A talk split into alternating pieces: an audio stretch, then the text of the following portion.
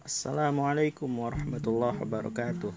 Kembali lagi dengan saya Ivan Di channel Funcast Oke Untuk topik selanjutnya Saya akan menjelaskan Apa perbedaan dasar akad murabahah IMBT dan MMQ So, mari kita jawab bersama. Pertama mengenai murabahah Murabahah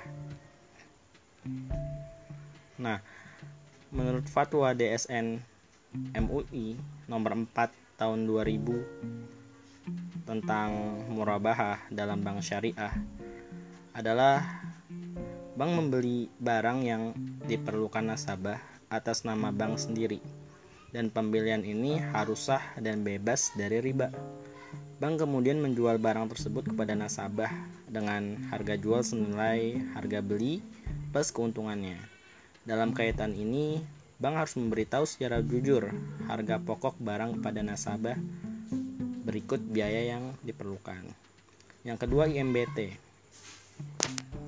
Menurut fatwa dari DSN MUI, fatwa nomor 27 tahun 2002, disebutkan bahwa dalam masyarakat telah umum dilakukan praktek sewa beli, yaitu perjanjian sewa menyewa yang disertai dengan opsi pemindahan hak milik atas benda yang disewa kepada penyewa setelah masa sewa.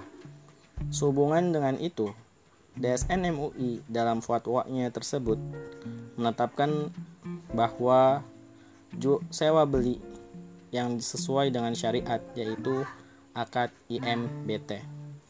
Yang ketiga MMQ. MMQ adalah akad yang terbentuk karena adanya kerjasama antara bank dan pembeli rumah yang berbagi hak kepemilikan akan sebuah rumah yang diikuti dengan pembayaran kepemilikan setiap bulannya dan perpindahan kepemilikan sesuai dengan proporsi yang sudah dibayarkan.